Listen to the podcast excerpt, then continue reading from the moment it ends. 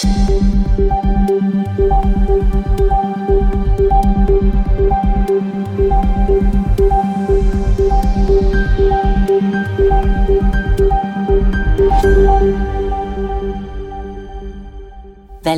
tilbake til Krimnytt, en podkast for deg som ønsker å holde deg oppdatert på true crime-saker.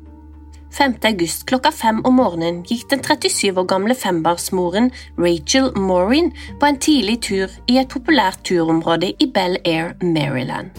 Da kjæresten ikke fikk kontakt med Rachel hele dagen, så ringte han 911 samme kveld. Neste dag ble Rachel funnet i nærheten av turstien. Politiet i Maryland har beskrevet drapet som brutalt. De starta naturlig nok med å undersøke folk i Rachels nærmeste omgangskrets. Kjæresten, 27 år gamle Richard Tobin, som meldte henne savna, skrev på Facebook. I love Rachel. I would never do anything to her. Let the family and I grieve. Yes, I have a past, but I also have 15 months clean and I have changed as a person. Please, Rettsdokumenter viser at Tobin har to arrestasjoner for andregrads overfall og arrestasjoner for å bryte besøksforbud, ødeleggelse av eiendom og besittelse av narkotika som dateres tilbake til 2014. Tobin har også blitt anklaget for å ha vært på flukt fra rettsvesenet, motarbeida arrestasjon og narkotikadommer, ifølge Marylands rettsvesen. Naturlig nok ble Tobin sett på først, men DNA på åstedet pekte på en annen mann.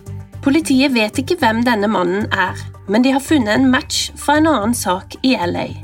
Dette var fra en overfallssak fra andre siden av landet. DNA hadde altså blitt kjørt gjennom politiets database og fått en match fra en sak der en mann brøt seg inn i et hus og forgrep seg på en ung kvinne. Mannen ble filma med overvåkningskamera, men likevel ikke identifisert. Mannen er rundt 1,74, normal bygd, og politiet tror at mannen er latinamerikansk. Politiet ber nå om hjelp fra publikum, og videoen har blitt sluppet i håp om at folk skal kjenne igjen mannen. De tror at mannen kan være en fare for folk, og politiet ønsker at folk skal være forsiktige når de går tur. Ikke ha på høretelefoner, og gå gjerne sammen med en venn. Politiet tror at mannen ikke kjente Rachel, og tror at det var tilfeldig at Rachel ble valgt. De tror også at han gikk rundt på stien og så etter noen han kunne forgripe seg på. Videoen viser en mann som går ut av ytterdøra. Han har genseren eller jakka i hånden og er kun iført jeans og bar overkropp. Det er tydelig at noen dytter han ut og lukker døra etter han. Kvinnen skal ha ringt 911. Politiet ønsker ikke å gå ut med mer informasjon om saken i LA. Etter at kjæresten Tobin fikk nyheten om DNA-matchen, skriver han på Facebook. I hope they found this scum of the earth. Justice for Rachel. RIP. I love you, Rage. I Norge har det vært to drap som nå etterforskes. Den ene var 64 år gamle Alf Magnar Habbestad som ble funnet i sitt hjem på Vindafjord i Rogaland. En 40 år gammel kvinne ringte inn dødsfallet til akuttmedisinsk kommunikasjonssentral, som videre kontakta politiet. Kvinnen er nå sikta for drapet, men nekter straffskyld.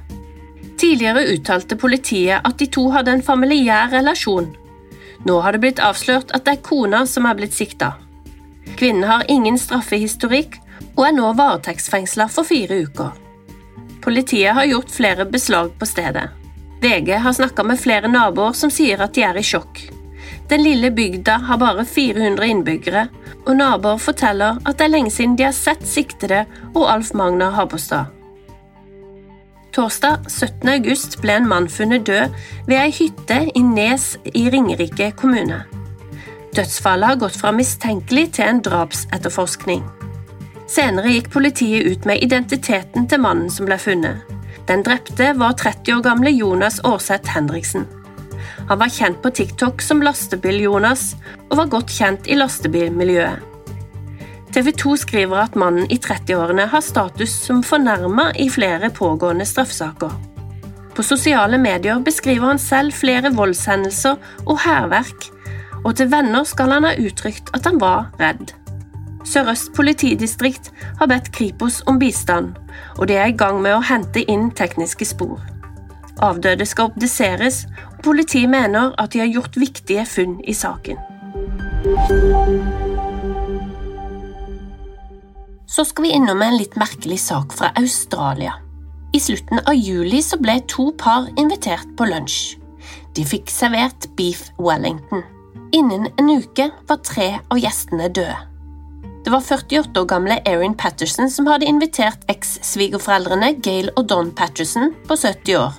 Hun hadde også invitert en prest og hans kone, Ian Wilkinson og Heather Wilkinson, begge i slutten av 60-åra. Eksmannen var også invitert, men han avslo invitasjonen.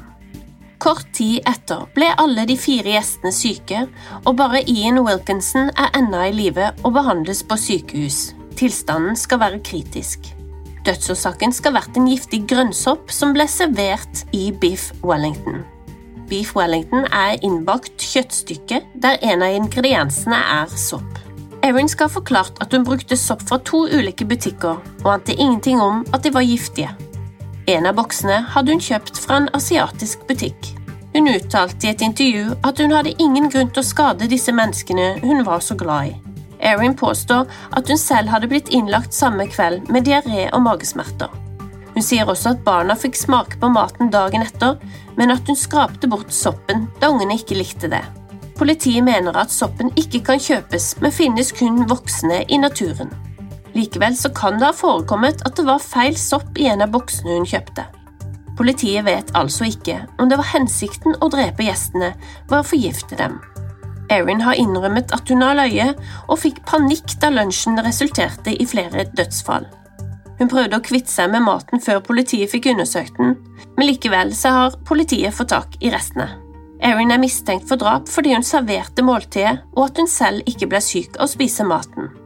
Det har vært ulike historier om, om hvem som spiste maten, om barna deltok på lunsjen.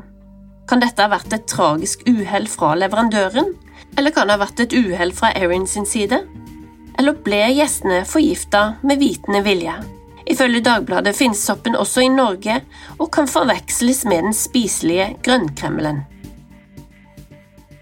Du husker kanskje Lucy Letby? 18. august har det altså vært en dom i rettssaken. Tidligere i år fikk du høre om sykepleieren Lucy Letby, som var sikta for drapsforsøk på ti spedbarn, og også drapet for syv spedbarn. Dette i tidsperioden 2015 til 2016. Den sikta Lucy Letby sier at hun er uskyldig i drapet på syv spedbarn, og også for drapsforsøkene på ti av dem. Likevel ble Lucy 18. august i 2023 funnet skyldig i syv drap og seks drapsforsøk. I ly av dommen vil det nå bli oppretta et tilsyn som skal gå igjennom 4000 saker hvor Lucy har hatt ansvaret for, for spedbarn på sykehuset. Juryen brukte 110 timer på å komme frem til avgjørelsen. Lucy selv nekta å være til stede i rettssalen mens dommen ble forkynt. Like etter at avgjørelsen ble annonsert, ble Lucy arrestert og kjørt direkte til fengsel. De ti siste månedene mens saken har pågått, har foreldrene hennes stått stødig ved Lucys side og da Lucy ble arrestert, skal moren ha blitt svært opprørt og tryglet politiet om å ta henne isteden. Etter dommen stilte en av Lucys bestevenner fra barndommen opp i et intervju med Daily Mail. Hun er helt overbevist om at Lucy er uskyldig, og forteller at slik hun kjenner henne, kan hun aldri tro at hun har gjort noe så brutalt som å drepe små spedbarn.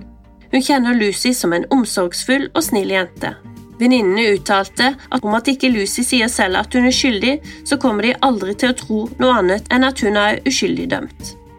Etter dommen nå er Lucy nå Englands verste seriebarnemorder, og de som ønsker seg mer om saken, kan søke opp Daily Mail sin dokumentar på YouTube med navnet Killer Hiding in Plain Sight. The Trial of Lucy Letby, The Inside Story Lucy Letby Documentary. Det var alt vi hadde i denne ukas Krimnytt. Vi høres igjen neste uke.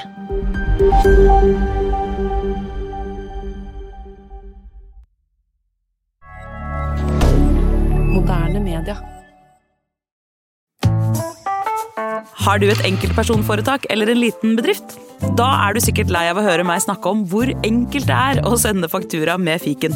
Så vi gir oss her, fordi vi liker enkelt. Fiken superenkelt regnskap. Prøv gratis på fiken.no.